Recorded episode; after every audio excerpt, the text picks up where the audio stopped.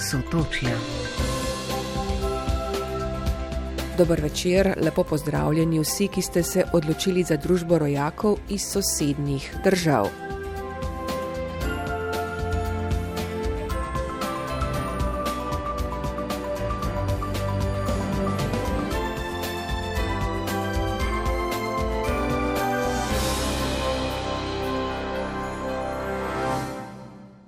Senatorka demokratske stranke v italijanskem parlamentu Tatjana Rojc je na včerajšnjih parlamentarnih volitvah osvojila unovičen mandat v senatu, je pa žalostna in zaskrbljena. Zmagovalka desno-sredinska koalicija namreč slovencem v Fulani, julijski krajini, ne vliva upanja. Tatjana Rojc se sprašuje, kako bodo lahko po novem sploh prišli do besede. Več o tem v nadaljevanju. Ob 50. obletnici začetka napada na dvojezično Koroško, znanega kot Ortstafelšturm, je 205 koroških slovenk in slovencev zahtevalo, da se dvojezični napisi postavijo v vseh tistih krajih, kjer so bili predvideni že leta 1972 in jih danes še nimajo. Gre za še 73 krajev od 205 predvidenih pred pol stoletja. To pa je zgolj prvi korak k izboljšanju položaja koroških slovencev, piše v pismu, ki so ga pobudniki poslali deželnim, državnim in mednarodnim ustanovam ter političnim organizacijam.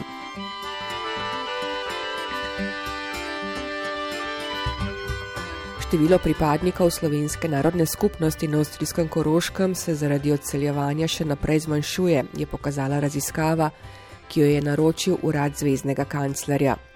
Namen raziskave je bil ugotoviti, kako je 20 let po zadnjem štetju z rabo slovenskega jezika in kakšne so perspektive slovenske narodne skupnosti na Koroškem. Zaradi priseljevanja iz Slovenije prihaja do revitalizacije jezika, še ugotavlja raziskava, pa tudi, da imajo ključno vlogo pri posredovanju jezika slovenska društva in ustanove. Kot še poroča slovenski program ORF, je iz študije tudi razvidno, da se je odnos med manjšino in večino v zadnjih letih bistveno izboljšal in razbremenil. O popisih prebivalstva bomo govorili tudi v nadaljevanju tokratne oddaje. Na mačarskem se bo oktobra začel preloženi popis, na katerega se intenzivno pripravljajo porabske slovenske organizacije. Želijo si namreč, da bi se povečalo število opredeljenih slovencev z 2800, kolikor jih je bilo leta 2011, vsaj na 4000. Nič kaj spodbudni pa niso podatki o popisu prebivalstva na Hrvaškem. V desetih letih se je število opredeljenih pripadnikov slovenske narodne skupnosti zmanjšalo za kar četrtino. Tudi o tem več v srednjem delu oddaje.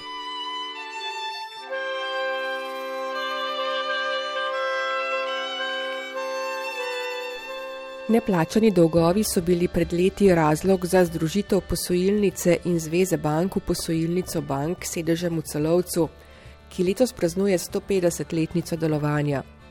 Če bi uspela prodaja banke britanskemu skladu ruskega poslovneža, pa je vprašanje, kaj bi še ostalo od nje. Da je načrtovana prodaja vrgla slabo luč na banko, se strinja tudi poslovodja Martin Resman. Zakaj pa je posojilnica bank še vedno zelo pomembna za koroške slovence? Odgovor boste slišali v drugem delu odaje, najprej pa se bomo posvetili volitvam v Italiji. Sotočja. Na včerajšnjih predčasnih parlamentarnih volitvah je prepričljivo zmagala desno-sredinska koalicija na čelu z Giorgio Meloni, predsednico Bratov Italije. V Furlaniji, julijski krajini, je za to koalicijo glasoval vsak drugi volivec, brate Italije pa je volilo kar 30 odstotkov voljivcev. No, med štirimi senatorji iz Furlanije, julijske krajine, bo tudi v prihodnjem mandatu tržaška slovenka Tatjana Rojc, nosilka liste demokratske stranke. V pogovoru Špelo Lenardic za skrbljenosti ni skrivala. Tatjana Rojc, najprej čestitke za ponovno izvolitev. S kakšnimi občutki spremljate to vašo novo pot v Rim in pa tudi izide tokratnih volitev? Najprej seveda s hvaležnostjo do tistih, ki so me volili in izvolili, kar pomeni nekako, da mi zaupajo še za eno mandatno dobo in to ni malo. Druga stvar pa je seveda izid. In izid je zelo, zelo klavern, zelo zaskrbljujoč, in moram reči, da mi je tudi zelo grenko pri srcu, ker vidim, da so izpadi že začeli proti slovencem na spletnih omrežjih, kar pomeni, da bo moje delo in delo tistih, ki verjamemo v demokratični sistem, zelo trdo. Ste že omenili, se pravi, prve odzive na spletnih omrežjih po zmagi bratov Italije. Kaj ta zmaga skrajne desnice pomeni za slovence v Italiji? Ne vemo še, seveda, to bo treba še uh, videti. Upam, da bodo toliko pametni, da bodo razumeli, da tu ne gre samo za uh, ljudi ob meji, ki živijo po vaseh, ne, kot ponavadi uh, velja prepričanje, ampak gre za neko narodno skupnost, gre za neko uh, skupnost, uh, ki je zaščitena. Po zakonu gre za neko skupnost, ki je zaščitena od Evropske listine Eh, za eh, zaščito eh, jezikov in manjšin. Gre za skupnost, ki je temeljni kamen pri odnosih med Slovenijo in Italijo. Gre predvsem za to, da se zavedamo, da so se časi spremenili in upam, da se tega zaveda tudi desnica. Kakšni so bili pa sicer do sedaj odnosi uh, bratov Italije do Slovencev in do Slovenije? Na vsedržavni ravni bi rekla skoraj nikakršni, prebudijo se ponovadi tam okrog 11. februarja in traje nekaj par dni eh, z običajnimi slogani in z običajnimi vsebinami. Eh, v Trstu pa je še vedno taka mržnja, zgleda, da smo vsi eh, teroristi.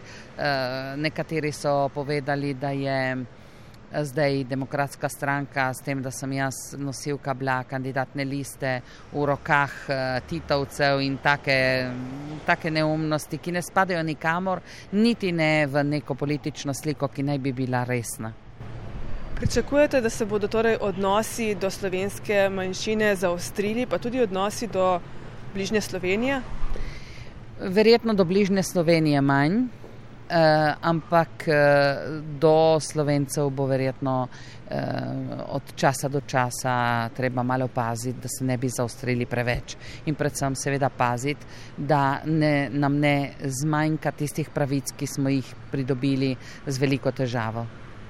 Ko smo že pri pravicah, ena izmed tistih najpomembnejših, ki zadeva tudi vašo ponovno izvolitev, je zagotovljeno zastopništvo v Rimu. Na tem veliko delate že nekaj let. To je tudi eden izmed vaših glavnih ciljev v tem novem mandatnem obdobju. Kakšne imate želje in načrte in kako menite, da bo ta cilj izvedljiv s tako skrajno desno vlado? Težko izvedljiv, vsekakor. Eh, že 13. ima prvo zasedanje eh, parlament, to pomeni, da bom 14. že spet uložila vse tisto, kar je ostalo nedorečenega, eh, predvsem na zakonske osnutke, med temi tudi zagotovljeno zastopstvo seveda. Ne moramo si pa pričakovati, da bo to uh, sprejeto od uh, take večine, kakršna se kaže danes v parlamentu. Ampak jaz sem trmasta in bom ustrajala, dokler se bo dalo. Drugače bomo morali pač dobiti eh, druge in drugačne, eh, predvsem zaveznike ne, znotraj parlamenta, ki eh, obljubljajo in potem ne držijo obljub. Upamo, da bodo tokrat obljubljali in tudi podprli. Katere bodo vaše primarne naloge oziroma cilji? Kar se tiče slovencev, seveda predvsem eh, ratifikacija Evropske listine za zaščito jezikov eh, in manjšin. Eh, druga, eh, to, da vloži, ponovno vložim eh, ustavno reformo, če ne bo če ne bo dovolj, bomo se pač posluževali drugih eh, zakonskih zakonsk, spremembe zakona, volilnega zakona, ki, nismo, eh, ki se ga tokrat nismo dotaknili. Seveda je vprašanje tudi, kakšna bo vlada in kdo bo ministr za šolstvo in tudi tam bo treba delati. Ponavljam si, dobiti zaveznike, eh, ki. Eh, tudi recimo Ligo ali pet, eh, Gibanje petih zvest, ki so tokrat eh, precej na manjku, predvsem v Furlani Julijski krajini in ki bodo mogoče zato malo bolj, eh, bi rekla, razpoložljivi do, do sodelovanja. Kakšno bo vaše delo, kako pričakujete, da boste lahko uh, delali v tako desni vladi? Na vse zadnje imajo večino bratje Italije oziroma desna sredina.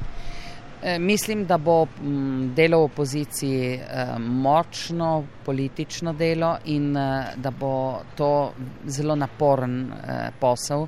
Namreč treba bo zelo dobro slediti vsemu, kar se dogaja in nekako demantirati kos za kosom eh, tega, kar, bo, kar bo šlo pač eh, proti evropsko, kar bo rasistično, kar bo preveč nacionalistično, kar ne bo uprit državljanom, kar bo ščitilo tiste, ki so bogatejši eh, v manjko, tistim, ki so šipkejši in tako dalje. Bi rekla, da je seznam kar zahteven.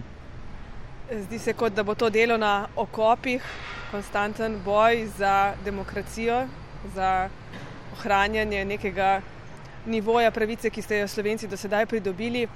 Kako pa bi ocenili izredno nizko volilno udeležbo? To je spet drugo vprašanje, ki je zelo zahtevno in mislim, da smo tukaj, da je moja generacija več ali manj eh, kriva za to, da nismo eh, vzgojili mlajših v duhu državljanskih pravic in državljanskih dolžnosti kaj bi bilo potrebno postoriti pred vrati, so vsaj tukaj v deželi spomladi deželjne volitve. Sej to bo velik problem, ker ljudje se ne zavedajo, da če ne grejo na volišče, nekako pustijo drugim, da odločajo za nje. To je tisto, kar se morajo ljudje zavedati. In to je pravica, ki je ne samo bila eh, pridobljena s krvjo in, in z žrtvijo, ampak je edini, edini element, ki ga imamo v boju za demokracijo. Tatjana Rojc, hvala lepa za ta pogovor in srečno pri vašem novem mandatu. Hvala lepa vam za pozornost in srečno vsem nam res. Čestitke senatorki Tatjani Rojc in obilo energije ji želimo. Njeno delo bomo seveda spremljali tudi v sotočjih. thank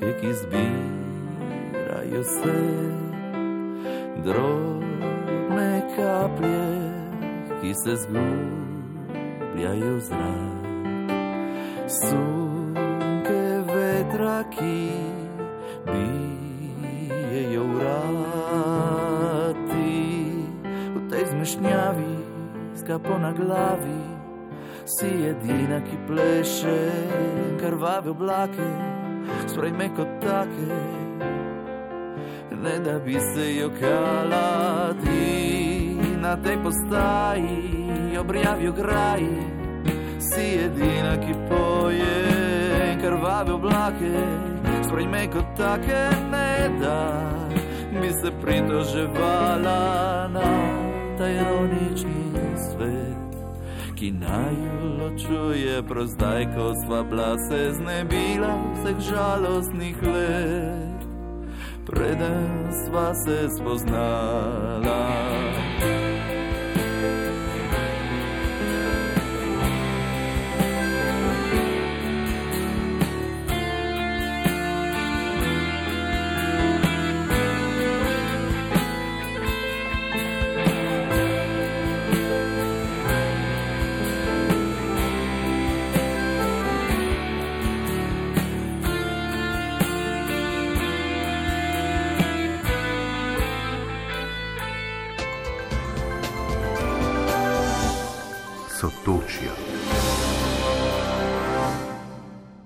Nadaljujemo na Hrvaškem. Tamkajšnji državni zavod za statistiko je naposled objavil podatke lanskega ljudskega štetja oziroma popisa prebivalstva.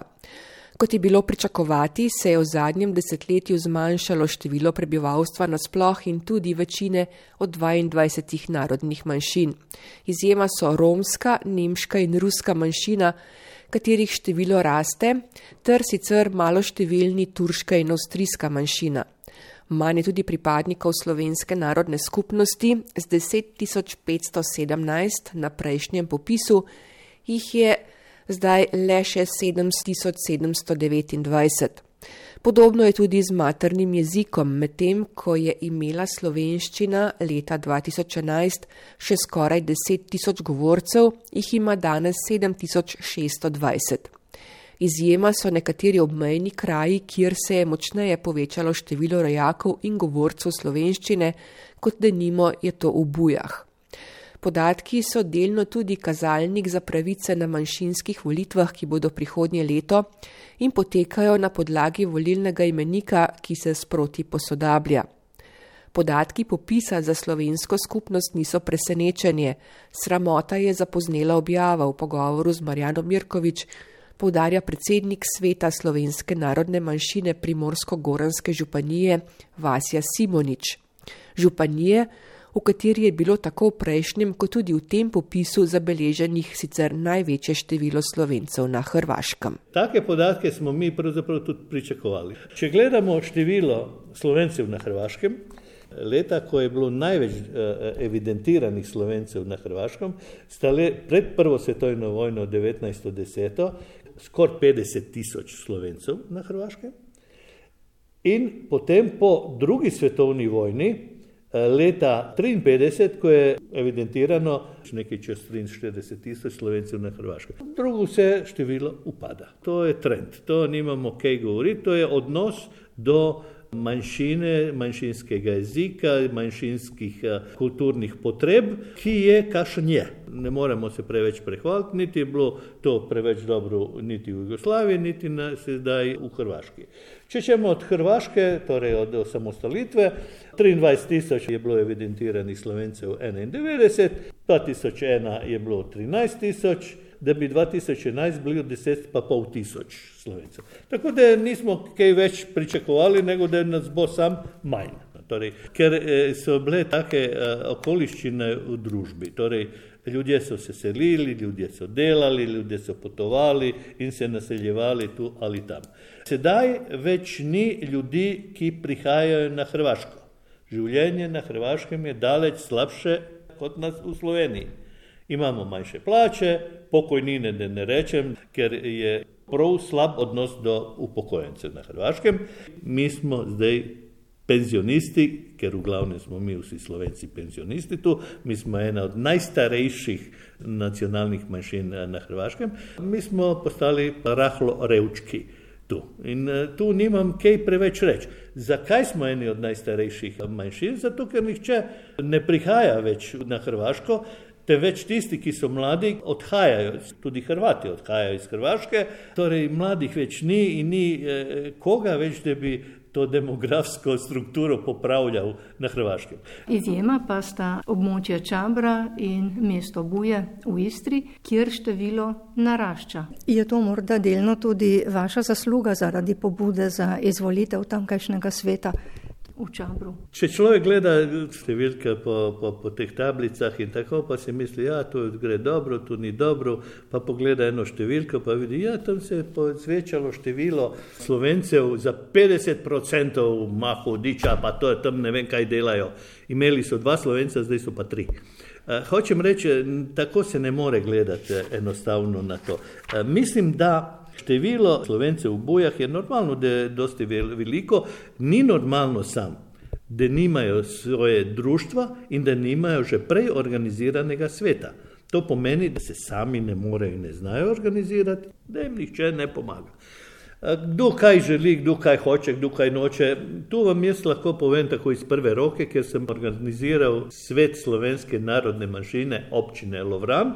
Na to, kar sem videl v časopisu razpis za ta svet, ker sem se tu rodil, ker poznam vse ljudi, ker vem, da je veliko slovencev tam in sem osebno šel od hiše do hiše, iskal, iskal podpise in mi smo organizirali v Lovranu svet. 2004. Tako da sem že takoj spoznal, kako to funkcionira. Na to sem organiziral svet eh, narodne manjšine občine Matulji na podoben način. Ko so se enkrat organizirali, pol ni težko tu nadaljevati s tem. Ne? Tako mislo tudi pri Učabru. Čabar je tudi eno mesto, ki je veliko slovencev in ki se niso organizirali, zakaj ne vem, ker so imeli društvo organizirano. Sem eh, šel nekajkrat tja, ker sem že tedaj bil eh, predsednik županijskega sveta, sem to čutil kot tudi svojo nalogo, da organiziram volitve povsod, kjer so razpisane. Tako da v Primorsko-Gorenski županiji imamo predstavnike slovenskega naroda povsod, kjer je to bilo mogoče. Zato mi je žal tudi za recimo buje, da se več ne dela na tem, da se to organizira. Če pogledate pa druge eh, kraje na Hrvaškem, je tega pa tudi in to mi je prav žal, da ne moremo, ne vem, v nekašni županiji, kot je Dubrovnik, izbrati enega človeka kot predstavnika slovencev, ene osebe. Imamo pa slovensko društvo. To tako ne sme funkcionirati. Se mi moramo vsi več angažirati. Če nekdo nekaj ne more, drugi morajo pomagati. Ampak to ni le za eh, delo svetov v Hrvaškem, ne društev, nego tudi mora malo tudi eh, slovenska država tu podpreti. Upad spremlja tudi število govorcev slovenščine. Medtem ko je slovenščino leta 2011 navedlo dobrih 9000 ljudi, ima po podatkih lanskega popisa samo še 7620 govorcev. Kaj je mogoče narediti na tem področju? Jaz ne vidim v tem problem. Namreč, pa je normalno, da, to, da število govorcev je upadlo.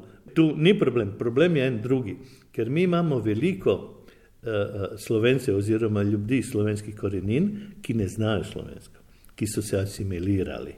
To je velik problem. Torej, in mi smo po društvih predvsem videli to težavo in smo skušali organizirati pouk slovenščine. Ampak tak pouk slovenskega jezika in kulture treba jasno Eh, plačevati. Predvsem se skuša na Hrvaškem forsirati eh, pouk po modelu C, katerega plačuje Hrvaška država, ki se eh, uči po šolah enostavno. Ne?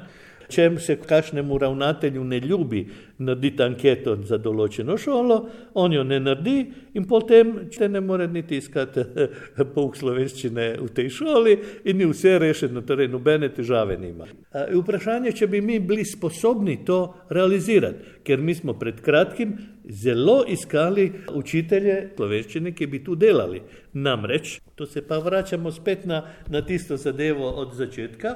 Standard eh, na Hrvaškem je dale, daleč eh, slabši kot na, na, v Sloveniji in nihče noče delati za plačo na Hrvaškem, ker je v Sloveniji za to isto delo veliko boljše plače. Zato treba določeni resni pogovori z ljudmi, ki lahko o nečem odločajo. Prihodne leto so manjšinske volitve, verjetno bo ta upad spremljal tudi upad števila slovencev v volivnih imenikih, kar je podlaga za te manjšinske volitve. To je ena posebna zadeva, ki bi bila smešna, če ne bila mal žalostna. Mi imamo nekaj virov podatkov, do nobenih ne moremo priti do izvirnih virov, ne vedno pridemo do nekašnih že obdelanih ki ne veš, koliko so točni in kako so obdelani. Torej, eno je popis prebivalstva, ki je vsakih deset let in kaj, ki pride ven, kar pride ven, in, in ne veš, koliko lahko verjameš ali ne, ali ampak, ampak indikativni so. Drugi pa podatek o, iz volilnih imenikov, ker ljudje a, se deklarirajo ali se ne deklarirajo kot slovenci, ampak to gre le za tiste, ki imajo volilno pravico na Hrvaškem. Torej, zdaj, po zdaj, zadnjem popisu prebivalstva, izpada, da je le tri županije, ki bo imele pravico do sveta. To je pa vse manj. Če se spomnim, da je mogoče pred desetimi leti smo jih imeli pet. Tu so nekaj problemov pravzaprav. Eno, ker je upada število slovencev, kar je normalno, drugo je pa, ker gubljamo pravice. Nekje je urejeno to drugače, da se pravice, ki so se nekoč pridobile, da se ne izgubljajo. Na Hrvaškem pa no, to ni tako. Torej, če en par ljudi umre, pol več število ni dovolj zadostno in pol se več svet ne. In vse, vsem je pravzaprav lažje, ker lokalna, regionalna samouprava nima opravka s tem, ne mora nič dati, ker ona je, bi morala omogočiti delovanje to, torej ne samo finančno, ampak tudi e, prostorno in kakšno drugo, kar ne dela. Tako da kaj reči, mislim, vsi komaj pričakuje, da zginemo, kar pač ni nujno. Ker mi se eh, eh radi primerjamo, vsaj v teh naših krajih, s Italijani. Italijanih ni bilo nič več, jih je bilo celo manj kot Slovencev. Tudi Italijani ne prihajajo sem živeti novi. Nekaj. Ampak število ostaja ali tudi celo včasih narašča na določenih, ker ima podporo ker ima možnosti za obstoj teh mladih ljudi, da ne odidejo vsi iz teh prostorov v Italijo, nego tu ostanejo. Oni imajo institucije podprte z strani države, katere mi nimamo. Vasja Simonič, hvala za pogovor in uspešno delo v svetu tudi v prihodnje. Hvala lepa.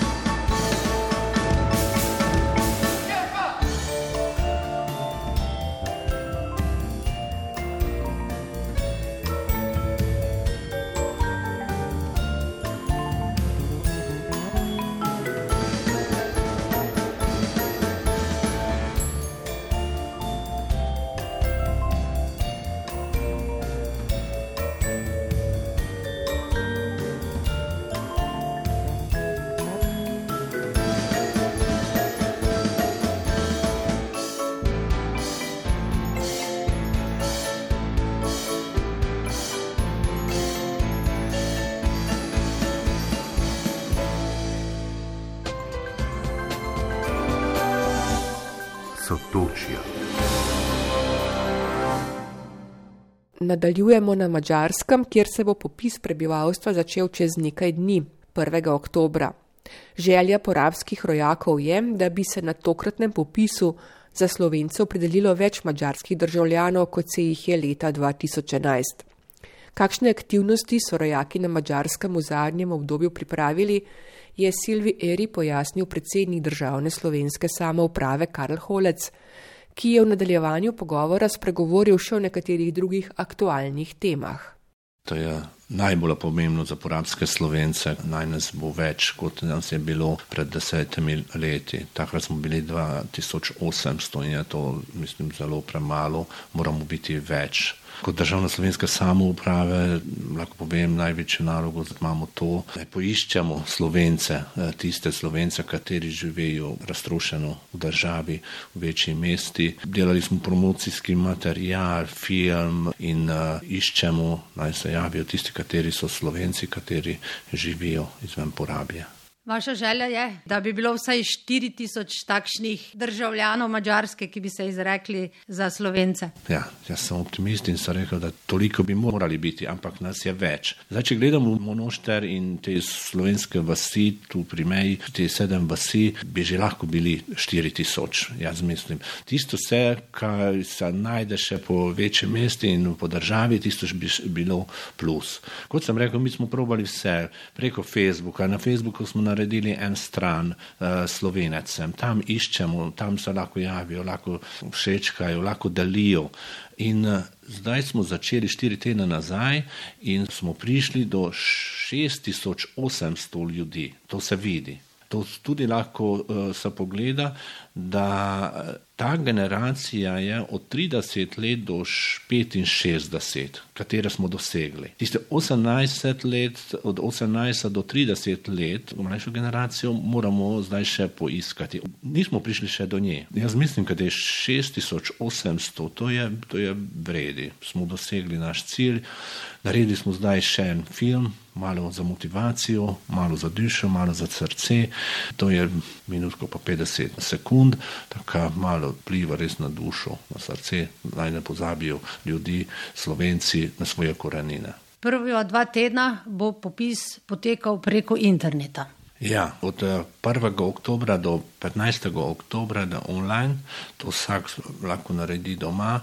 Od 15. oktobra do 15. novembra bo popis prebivalstva, to se pomeni, da pridajo eh, ljudi, grejo do družine in oni delajo te popis. Jaz mislim, tu v porabi smo dosegli to, da tisti ljudi, kateri imamo po vasi, v monoštru, lahko smo je mi imenovali, mi smo lahko dali predlog in so vzeli upoštev.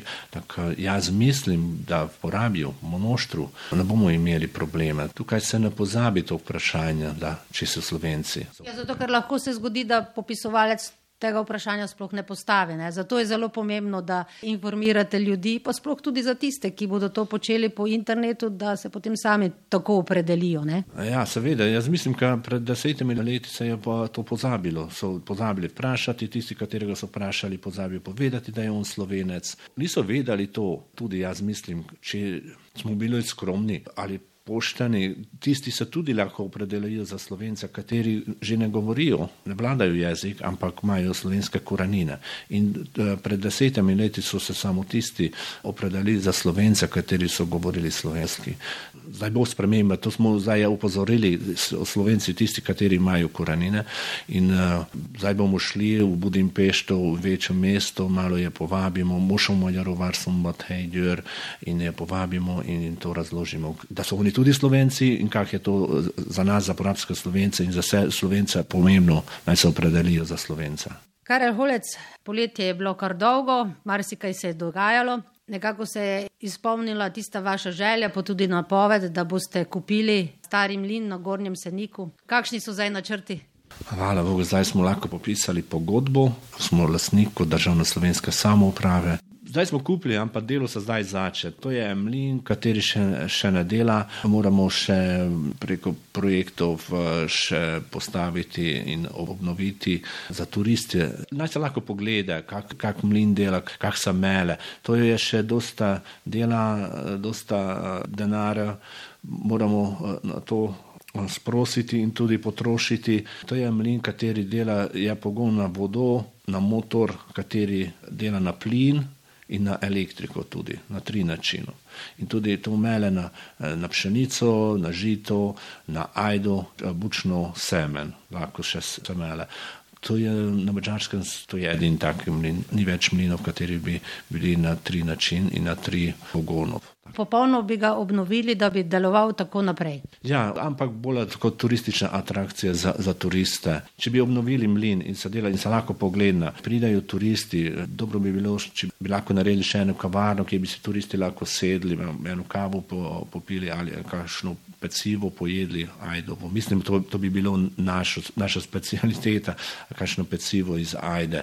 To, to imamo v, v načrtu, ampak tudi še tretja funkcija bi bila ena art galerija. Tri nadstropje je taka, bi se lahko res ena, ena taša art galerija naredila. Ta tretja varijanta, to, kar bi bila art galerija, to že bo taka, če bo vse, če da mlin dela, če je že kavarna in tretja stopnja bi bila. Če imamo že proračun na to, to bi bilo 300 milijon, če bi bilo vse, ti, vse bi se naredilo, še tudi uh, voda, vod, vodno kolo, to bi bilo 300 milijon forintov, to, to ni malo. To, da je po stopki pomale kot leta do leta naprej, ampak jaz mislim, da 3-4 let, maksimum 5 in mora biti mlin v takem stanju, da že lahko pridajo turisti in si lahko pogledajo. Prejšnji teden smo se pogovarjali s predsednico Zveze Slovencev na Mačarskem, ki je povedala, s kakšnimi težavami se srečuje slovenski dom zaradi povišanja cen energentov, predvsem plina, s katerim se tukaj ogrevajo. Državna slovenska samouprava nima takšnih težav? Imamo težav, ampak ni take velike kot Zveza Slovencev na Mačarskem. Mi kurimo, hvala Bogu, mi kurimo z drvami. Drva so se tudi malo, cene so se zdignile, ampak ni, ni tako kot plin, tako mi nimamo taka težava. Mi smo hoteli obnoviti te sistem, centralna peči, so bili na drva in so rekli, da bi boljše bi bilo, če bi bilo bolj moderno, ampak dobro, kar nismo je eh, menili in smo ostali pri drvami, tako zdaj eh, mi nimamo eh, take težava v šoli, v vrci in tudi v uradu in tudi v Kuharjevi spominski hiši kurimo z drvami tako predsednik porabske državne slovenske samouprave Karl Holec.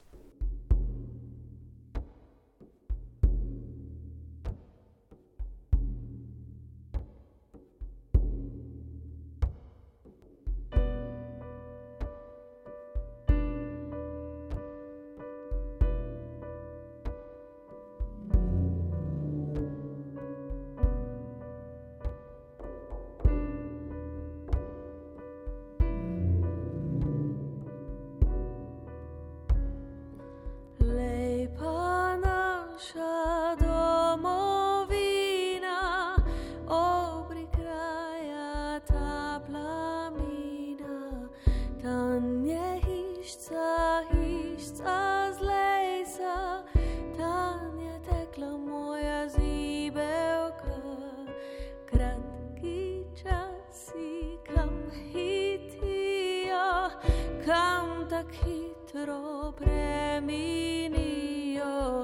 Star sem dvajsti, dvajsti let, pa more nit po svet. Zdaj pa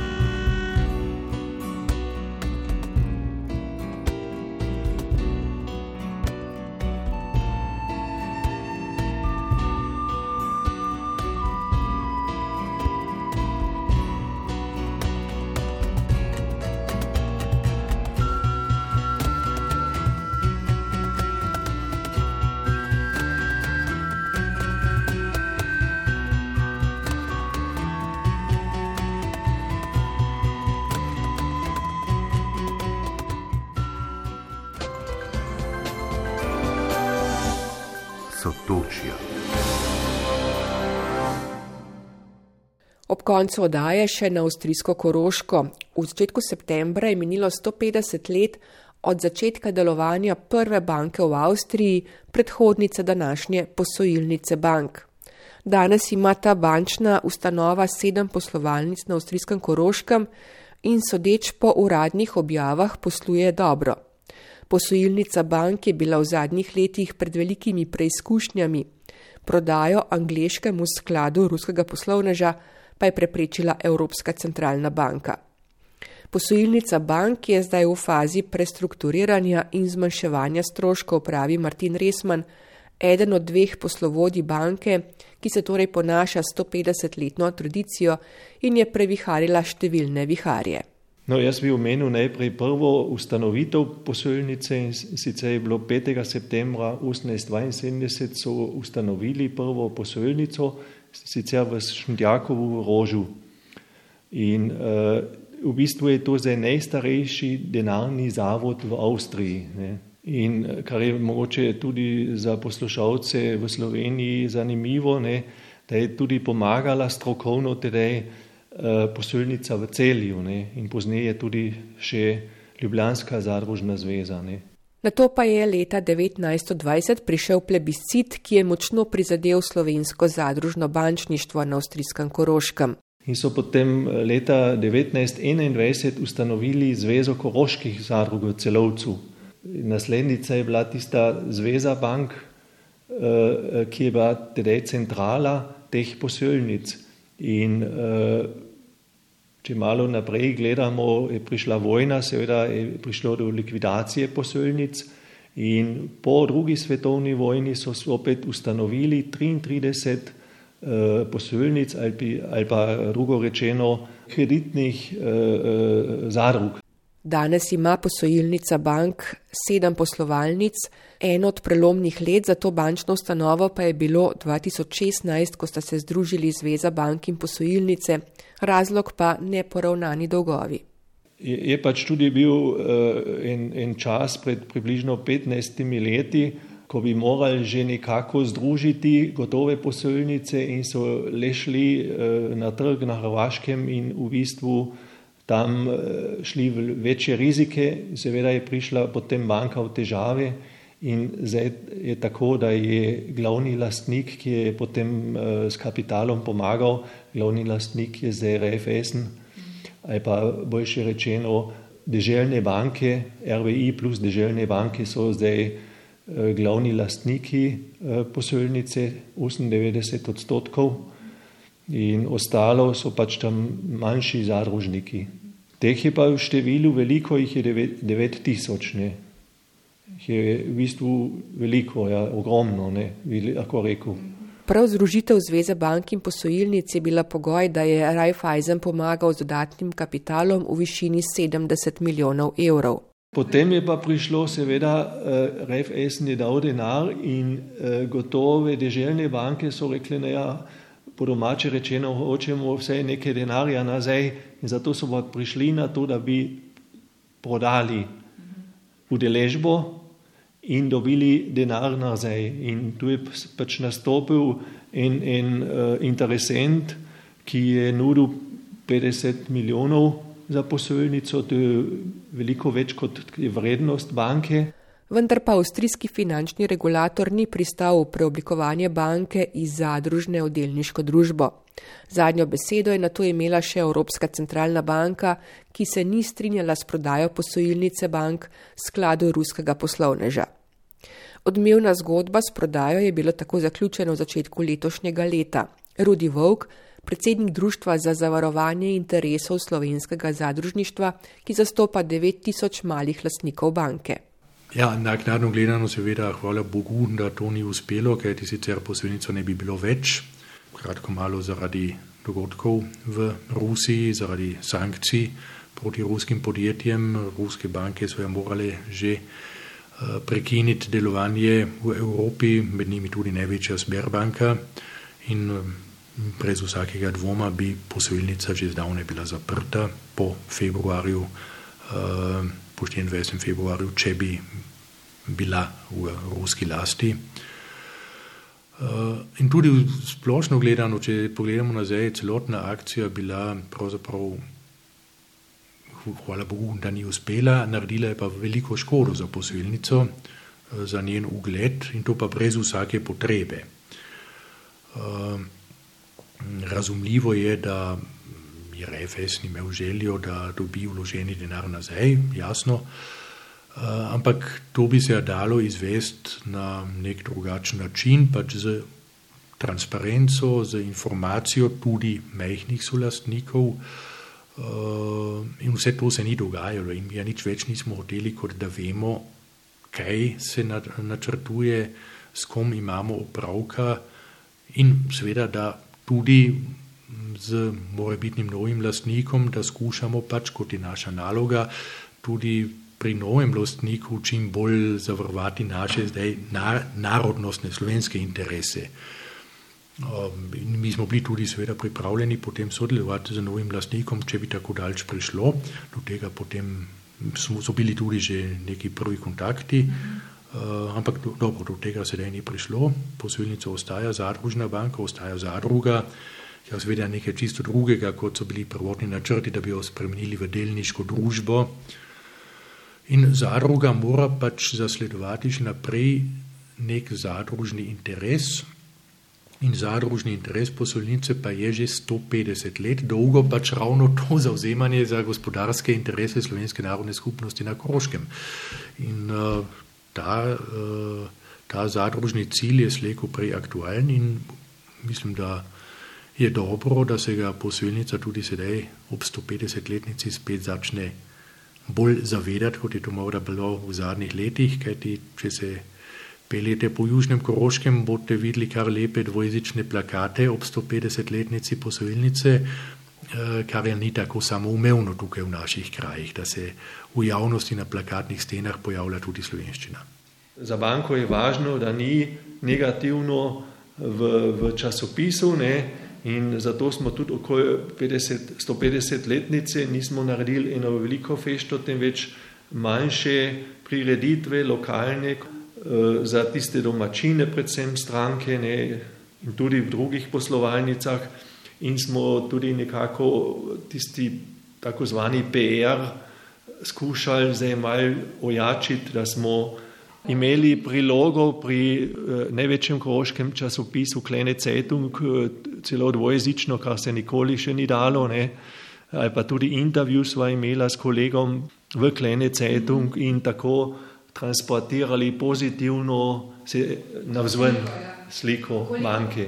Pravi poslovodja Martin Resman, Rudi Vovk pa opozarja na pomen samega društva, ki sicer nima možnosti dejanskega vplivanja na poslovanje banke, lahko pa opozarja na interese zadružnikov. Uh, mislim, da je še kar dobra formula tista, da čim manj je treba govoriti o posilnici, tem bolj še igre, oziroma čim več pohvale slišijo ravno od društva slovenskih zadružnikov, tem bolj zagotovljeno je, da posilnica dejansko dela tisto, kar je njen namen.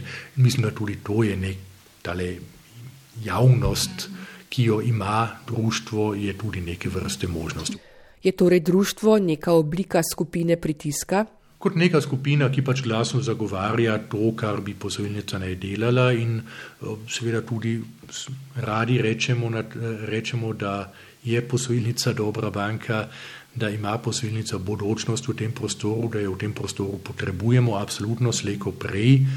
In uh, uh, naše društvo je lahko ja, tudi pač en uh, dober uh, propagandist ravno za posojilnico, če imamo ustrezno sodelovanje. Seveda, če ga pa ni, potem bomo pa tudi povedali, kaj nam ne paše. Koliko pa je načrtovana prodaja škodila v gledu posojilnice bank? Poslovodja Martin Resman. Jo, predvsem v podjuni nas je veliko strank zapustilo, nažalost. Ja. Ampak to bi mogoče tudi bil cilj zdaj v naslednjem času, da gotove nagovorimo vse. Ne. Deloma so tudi imeli seveda strah naložbe. Ne. Eden od ključnih izzivov posojilnice bank v prihodnje pa je zmanjšanje stroškov servisiranja.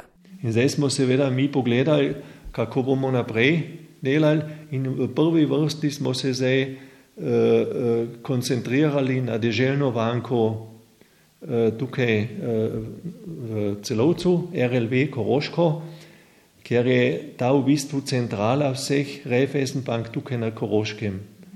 Ker glavni problem posojilnice je, da ima iste donose kot ena Raiffeisen banka, nismo slabše, ampak imamo veliko več stroškov, ker nas gledajo kot eno deželno banko, nas revidirajo kot deželno banko in moramo imeti več oddelkov, ki jih druge banke v tej velikosti nimajo. In to je naš problem. Mi rabimo v bistvu strateškega partnerja ali pa isto servisiranje, kot jo imajo Raiffeisen banke. Je pa naloga poslovodje, kot pravi Martin Resman, tudi opozarjanje na vlogo koroških slovencev. In zakaj koroški slovenci rabijo svojo banko?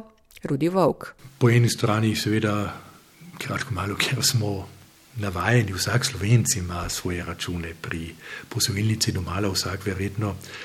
Zgodovinsko je seveda posojilnica bila izrednega pomena, ker uh, v nacionalističnih časih eh, Slovenci kratko malo pri nobeni nemški banki niti posojila niso dobili.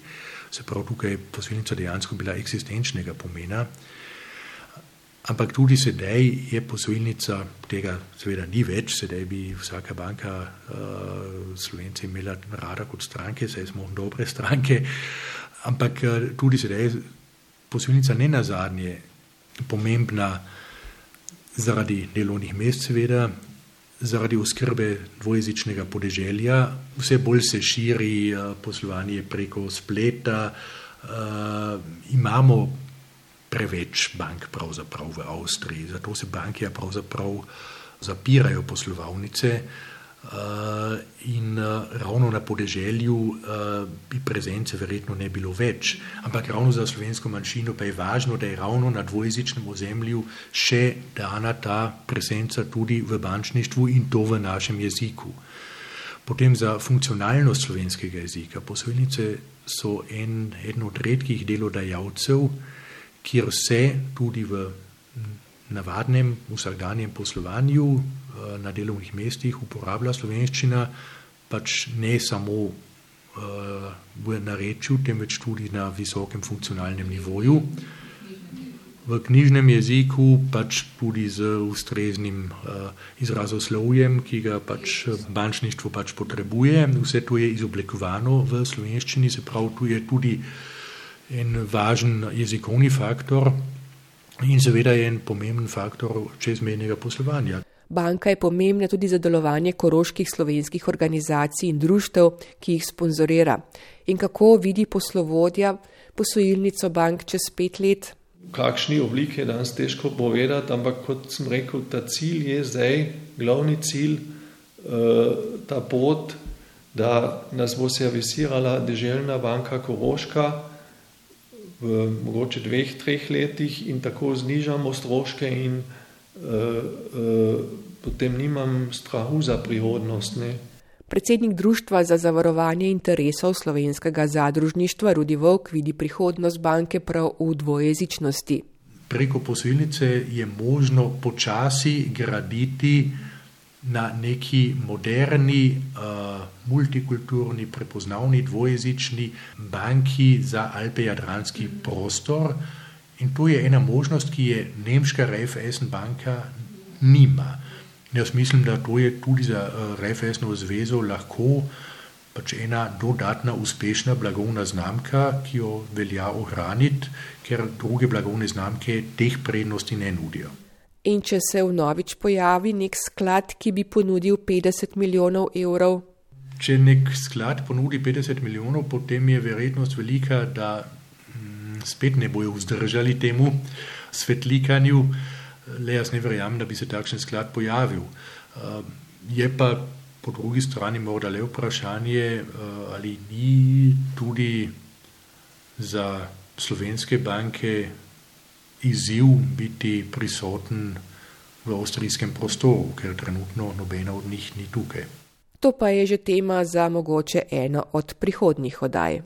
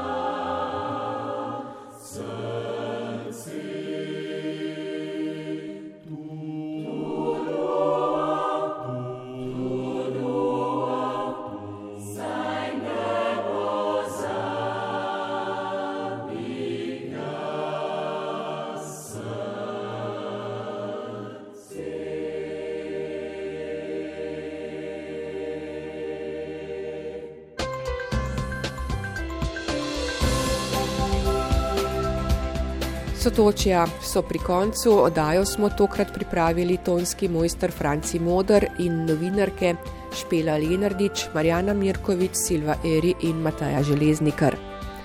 Vedno znova nas lahko poslušate na spletni strani prvega programa, kjer med oddajami poiščete Sotočja.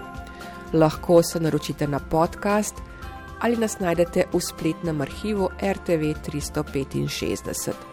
Srečno in nasvidenje do prihodnje oddaje. Sotočja.